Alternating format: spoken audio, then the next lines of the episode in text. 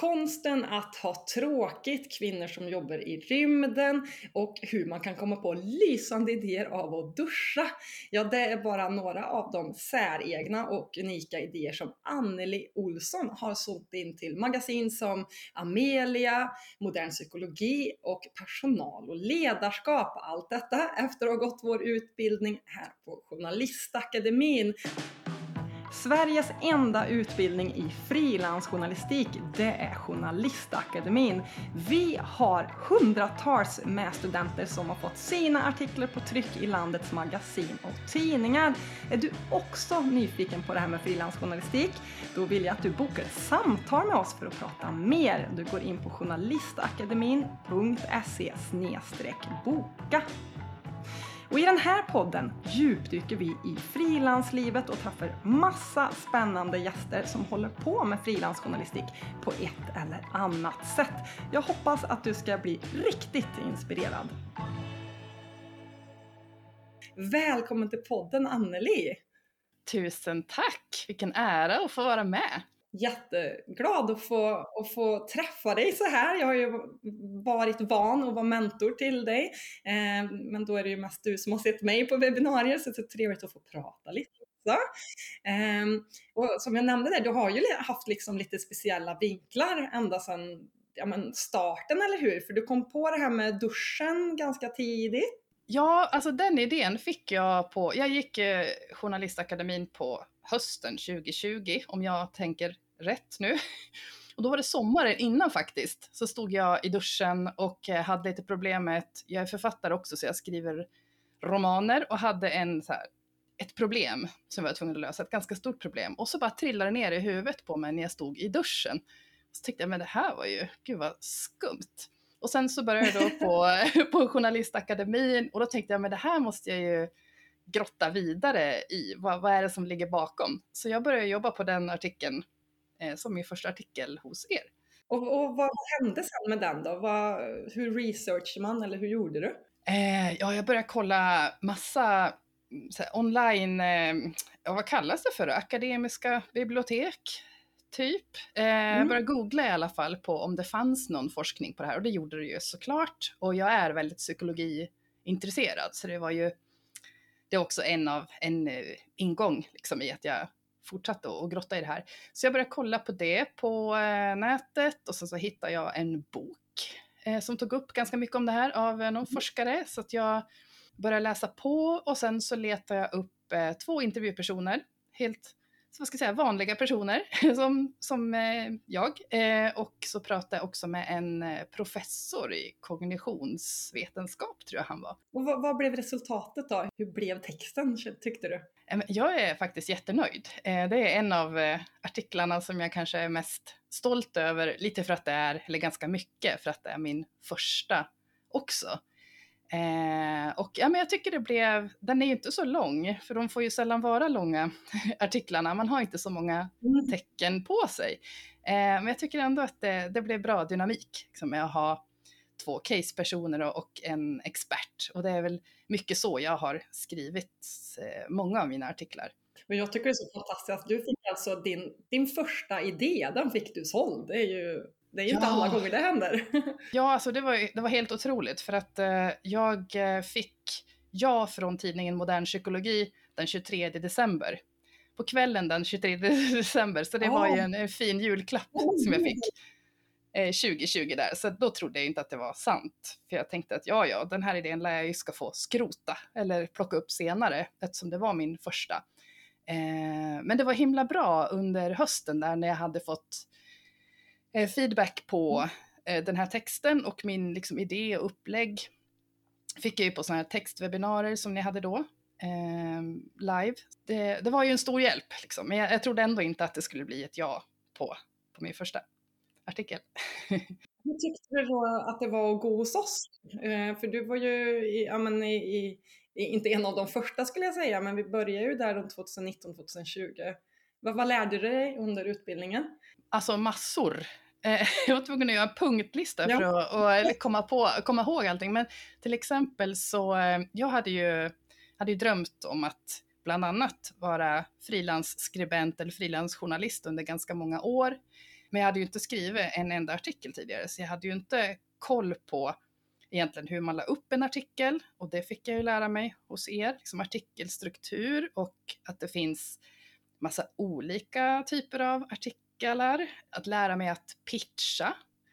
Eh, hur kan man lägga upp en pitch? Eh, alltså skicka in sin eh, artikelidé och försöka sälja den till magasin. Eh, jag lärde mig att det finns så otroligt många fler magasin än till exempel Amelia och de här stora dagstidningarna som man kanske tänkte, eller som jag tänkte på tidigare och som, man, som jag såg i tidningsställen på mataffären. Liksom. Så där fick jag upp ögonen för att det finns ju en, alltså en rätt stor eh, flod av eh, både printmagasin och online-magasin eh, och dylikt. Massor. jag kunde ju ingenting innan. Så att, ja, och jag tyckte liksom att det var så bra att det var väldigt hands-on och eh, så konkreta eh, ska säga, moduler och att de droppades ut. Jag vet inte hur ni gör nu, men, men då kom det en modul i veckan mm. och då satt, jag satt ju och längtade efter att nästa veckas skulle komma. Men det blev liksom hanterbart när man var helt ny på det här. Att, att eh, jag hann smälta det här med pitchande för att sälja in sig, det är ju lite jobbigt. Vi, vi har det ju så nu också när man, när man går och så, så att vi har som en kursportal som man gör i sin egen takt där det släpps en modul kallar vi det, eller ett steg i taget, ens första veckor. Just så att man inte får liksom, åh, en hel kursportal med tusen mm. miljarder uppgifter, utan lite pö om pö. Men då man själv kan göra alltså uppgifter, eh, se på videor, lära sig de journalistiska grunderna och utöver det ha då webbinarier, texthjälp och stöd och framförallt då pitchande som du sa som inte särskilt många journalistutbildningen pratar om, alltså sälja in en idé. Vad, vad, har du lärt dig nu när du har jobbat ett tag? Vad, vad är det för pitchar som funkar, känner du? Jag tänker så här, tydlighet och att hålla det så kort jag kan utan att det blir för knapphändigt. Mm. Och det där, den där balansen är jättesvår eh, kan jag tycka. Eh, särskilt om man ska pitcha en ny tidning som jag inte har skrivit för tidigare. För jag tänker att redaktören som sitter där och tar emot mejlen får ganska många mejl. Så därför har jag tänkt att det måste vara, jag brukar sätta en, en arbetsrubrik till exempel. Eh, mm. Och sen så brukar jag punkta upp vad jag har tänkt lite för jag tänker att jag skulle vilja fråga de här sakerna och eh, tänkte att jag skulle kunna prata med den här typen av personer och så vidare. Jag försöker att och, och ge dem en punktlista och vinkel. Vinkel, ja precis, liksom att komma till skott. Alltså när man skickar ett pitchmail till en redaktör som får tusen mail om dagen, alltså verkligen sticka ut med vad är det jag säljer direkt och inte Ja, men mm. Många kan göra misstag att man skriver liksom Åh, jag, eh, jag älskar Italien och jag tycker om att springa maraton. Alltså, det är ingen som bryr sig kanske om det inte är relevant för vinkeln, men snabbt på med idén och som du säger kort och koncist och liksom ändå kunna för, förklara idén i några meningar. Jag älskar ju också precis som du punktlister så att man kan se mm. ja. Och men de andra idéerna då? Det var ju att komma på idéer i duschen, men det är också lite psykologisk idé det här med konsten i att, i att ha tråkigt vet jag att du har sålt in för ett tag sedan. Berätta om den idén. Eh, den sålde jag också in till modern psykologi eh, och det var ju lite extra kul. Det var min andra artikel för dem. Eh, ja, jag tänkte mycket på vad, eh, hur beter jag mig själv egentligen när jag får en stund över och folk omkring mig, hur beter de sig? Ja, men det är ju upp med mobilen oftast så snart mm. som möjligt, liksom att börja scrolla. Och jag tänkte, vad, vad, är det vi, vad är det vi gör egentligen och vad, vad är det som händer med oss när vi aldrig bara kanske sitter och så här tomglor? Eh, sitta och titta ut genom mm. ett fönster i en kvart, det är liksom en utmaning för många av oss idag. Det, det är jobbigt att inte göra något.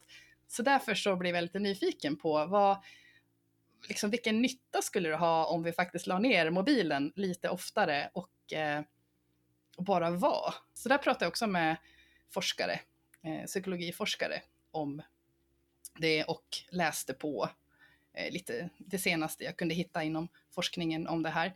Ja, nu blir man lite nyfiken. Vad säger forskningen där? Vad, är det bra att ha tråkigt eller vad sa de till dig? Ja, det är ju liksom bra att ha tråkigt ibland. Just för eh, eh, dagdrömmande är något som jag stötte på, till exempel i forskningen då.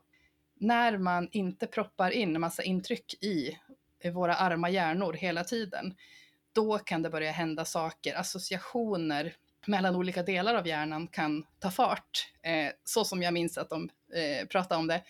Och att man, man kan hitta just nya lösningar och det hänger ihop lite med den här att få idéer i duschen. Det är lite, lite samma mekanismer i det. Så att man frigör sig mm. liksom, och låter tankarna vandra och då kan man komma till nya insikter eller just lösa problem. Eller... Så att det är positivt, men det är svårt. Ja, det är svårt. Jag känner ju också det. Det är så lätt hänt att bara, jag ska bara titta på mobilen liksom. Att det är svårt att inte göra någonting alls. Ja. Men, eh, men de här ämnena som du dras till, är det alltid den här typen av ämnen eller vad, vad, vad har du mer för nischer eller ämnen du skriver om? Det är ju också så att jag är en riktig rymdentusiast.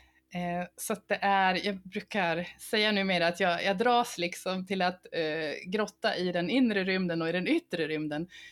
Det, är ju, det känns ju väsensskilt, eh, men eh, det, det, är psykologi och rymd. Det är, liksom, det är de ämnena jag allra helst skriver om. Rymd har jag upptäckt, det är ju inte jätteenkelt att pitcha in till eh, tidningar. De som skriver om sånt, de har oftast redan reportrar och journalister på redaktionerna eller fasta frilansare som skriver om det. Så därför så har jag varit tvungen att bli lite mer mm -hmm. kreativ och här, baka in till exempel så skrev jag nyligen, eller nyligen, jag sålde in en artikel förra hösten som publicerades nyligen i Året runt, där min grundidé liksom, var att vi behöver skydda natthimlen eh, från ljusföroreningar. Eh, och även så här, djurliv på natten och så. Men det var, det var stjärnhimlen som var min, det var min ingång. Jag tänkte, okej, okay, hur gör jag det här? Ja, men då pitchade jag in en artikelidé om att hur kan vi som privatpersoner belysa vår trädgård eh, så snyggt, smart och också ekonomiskt eh, som möjligt. Eh, och samtidigt då inte bidra till ännu mer ljusföroreningar. Eh, så, att, så att jag får liksom, eh, ja det är lite krokig väg mm. ibland för att komma fram till de här idéerna där jag faktiskt kan få använda de här bitarna som intresserar mig allra mest. Det är ju jättesmart att du liksom ändå, man måste också tänka, jag är intresserad av rymden, men så får man också tänka, vad är en gångbar idé i ett magasin? Vad kan jag, kan jag skruva på det här så att det ändå passar någonstans? För det ser jag ju också många som går, kanske vår utbildning eh, på Journalistakademin lite nybörjare, att man gärna tänker, jag gillar det här, jag skriver om det här, men så måste man ju också tänka, finns det någon målgrupp för det här? Vad har vi för magasin som skulle kunna passa? Och hur kan jag anpassa det så det passar in? Men det känns som du har, den grejen har du verkligen förstått. Jag tror det i alla fall. och sen ibland, ibland behöver jag kämpa lite mer eh, för att eh, hitta liksom rätt vinkel och, och just den där what's in it for, for me som, som läsare av magasinet. Den, det var det du sa eh, alldeles nyss, men, men det, det får jag liksom backa tillbaka till ibland. Bara, just det. Jag måste göra det vardagsnära och relaterbart. Eh, det handlar ju om det hela tiden för att man ska vilja och kunna ta till sig det som man läser. Och gärna inspireras. Det är mycket det. Jag, jag tycker det är kul att skriva sånt som andra också kan lära sig av och att inspireras av. Så att eh, som entreprenörer tycker jag också att det är väldigt roligt att eh, skriva om.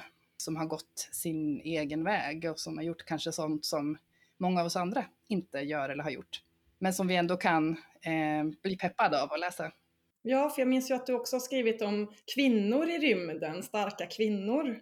Precis. Eh, den eh, lyckades jag pitcha in till Amelia eh, inför eh, internationella kvinnodagen. Så att, eh, det, det var riktigt kul. Så det var en chef inom eh, privata rymdbranschen och en entreprenör som, som rör sig i den där sfären där jag tycker det är så spännande att, att få höra mer om. Och då var det just det här, okej, okay, starka kvinnor som gör lite annorlunda saker och det passar ju super på internationella kvinnodagen. Men nu är du lite varm i, i kläderna och så. Eh, hur, eh, hur jobbar du just nu med frilansandet? Ganska ryckigt faktiskt. Eh, jag, är, jag, är, jag är eh, egenföretagare och gör andra grejer, jobbar med innehållsmarknadsföring och sådana saker. Och så är jag författare. Så att jag, jag eh, jag har som flera olika ben i min, i min business. Så i, i, perioder då är jag mer flitig med att pitcha artiklar. Eh, just nu så håller jag på att pitcha artiklar. Eh, fick ett nej precis innan vi skulle prata här. eh, och fick ett ja förra veckan. Så det, det, är verkligen eh, lite ryckigt och lite upp och ner. Precis, man kan ju ta det i lite sjok och så kommer inspirationen och så kanske går den och man gör det lite vid sidan om som det faller en in och så ska man ju komma på idéer också, det är ju det. Ja, eh, men hur gör du för att komma på, hur gör du för att hitta folk då? Hittills så har det varit ganska lätt att hitta folk faktiskt, tycker jag. Eftersom det har varit en hel del psykologiforskning så, då har det blivit att jag har skickat ut förfrågningar till universitet eh, och där brukar jag alltid få napp. Det är otroligt sällan som det har eh, någon gång har tagit lite tid, för det har varit svårt att hitta exakt rätt person. Men då har de varit ändå ganska rätt så har det ändå funkat att plocka in dem för att de har, de har haft tillräckligt mycket kunskap. Och sen eh, privatpersoner, det har varit väldigt lätt tycker jag. De flesta tycker att det är väldigt kul att få vara med i en tidningsartikel. Det är ju inte alla som är heller. Nej, precis. Och jättebra tips där tycker jag med universiteten om man behöver en expert i ett ämne så är ju ja, men Sveriges universitet är ju en guldgruva att få tag i olika experter. Jag vet inte hur många gånger jag här i Värmland har använt mig av Karlstads universitet och alla deras mm. professorer och forskare inom olika ämnen just för att ha någon expert som uttalar sig om ett ämne och blanda det med en caseperson eller någon som har varit med om någonting. Så det är en fin kombo att få till. Ja, precis. Och sen om man inte prickar rätt då, men man ändå får svar från universitetet så då brukar jag fråga, har ni tips om, vet ni någon annan som skulle kunna vara bra i det här sammanhanget? Men du Anneli, vad, vad ger skrivandet då som person? Och jag, jag har alltid varit supernyfiken och så här vetgirig. Eh, så att för mig så är det, det blir som, jag får lära mig otroligt mycket och så är det guld att ha Eh, Hej, jag är, heter Anneli, jag är frilansjournalist. Jag ska skriva om det här, eh, kan jag få prata med dig? Eh, det hade jag ju liksom aldrig gjort. Mm. Eh, jag hade inte kunnat prata kanske på samma sätt med vissa personer som jag har fått träffat. Mycket genom video har det varit för att många är inte på samma ort som jag och det har varit pandemi och hela den där biten. Så det har gjort att jag har fått prata med otroligt spännande och kunniga personer och lärt mig mycket. Och, eh, och sen genom, nu är det ju snart tre år sedan jag gick eh, utbildningen hos er och eh, självförtroendet mm. har ju faktiskt vuxit ganska mycket av det här också, att det, det går. Men också att, eh, okej, okay, det, det, blir många nej, det ska man ju veta. Eh, men det kommer ju också ett gäng ja, och, och de kommer också i sjok, har, har, jag upplevt. Det är lite konstigt, men eh, man får ju inte ge sig. Så jag tror jag har lärt mig att bli mer ihärdig och sen älskar jag att skriva, så det är ju mm. det är den perfekta kombinationen. Men jag håller med dig där om att vi som journalister uh, får ju verkligen tillgång till personer som man kanske aldrig man kan ju inte bara ringa och hej jag vill prata med en forskare för jag är så nyfiken på det här liksom som privatperson. Det kanske man kan göra men har mm. man som du säger, hej jag heter Lotta Brunmark, jag är frilansjournalist, jag har frågor. Dels träffa nya personer men också få lära sig liksom. Hela världen är ju en guldgruva med olika ämnen och just få komma in i personers vardagar eller liv och förstå ett ämne och sen kunna mm. dela med sig till läsare, det är ju en, en guldgruva, tycker jag. Ja, det är det bästa eh, av allt. Plus att när, när jag då pratar med vissa personer så dyker upp nya idéer. Och så tänker jag att då kanske jag kan prata med den här personen igen längre fram. Eh, så att en person, en forskare har jag faktiskt haft två intervjuer med för två olika artiklar och det är också roligt mm. när man får den kontakten tycker jag. Ja, precis, det är ett bra, bra tips till eh, ni skribenter som lyssnar på oss, alltså samla kontaktuppgifter och kom ihåg och, eller kanske anteckna olika namn så att ni kan bygga relationer och kanske använda samma forskare fast till något annat eller en intervjuperson som går att använda till något annat också, att ni bygger ett, ett, eh, ett kontaktnät helt enkelt. Mm. Um, men jag tänkte, vad, vad, vill du ge då Anneli tips till aspirerande skribenter som sitter och tänker ah, jag vill också göra det här? Först och främst tycker jag, om man inte har skrivit artiklar och har koll på hur man gör tidigare så ska man ju gå en kurs och jag kan ju varmt rekommendera Journalistakademin. Jag får inte betalt för att säga det här.